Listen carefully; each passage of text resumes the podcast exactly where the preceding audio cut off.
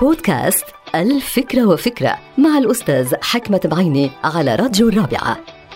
في فكرة اليوم سأتحدث عن علاقة القوة بالمحبة يعني عن جدلية هذه العلاقة. هل على الإنسان أنه يتحلى بالقوة أكثر من المحبة لتسيير أموره الشخصية والمهنية أو عليه أن يضع المحبة على رأس الأولويات عندما يتعامل مع الناس والقضايا من حوله؟ الجدلية هي العلاقة بين أمرين أو شيئين أو شخصين بيحكمهم الجدل القائم فكريا وماديا فأين هي جدلية القوة والمحبة بالحياة؟ شو هي المعادلة اللي بتحكم العلاقة بين القوة والمحبة؟ هل الحياة تساوي القوة زائد المحبة؟ أو القوة ضرب المحبة؟ أو أكثر من هيك؟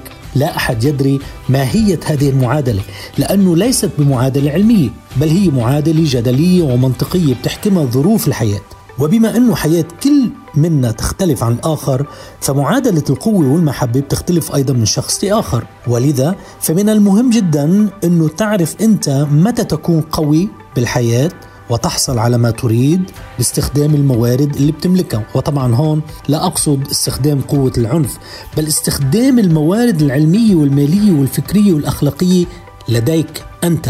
كشخص. ومن المهم أيضا أنه أنت تعرف متى تستخدم المحبة من أجلك ومن أجل الآخرين.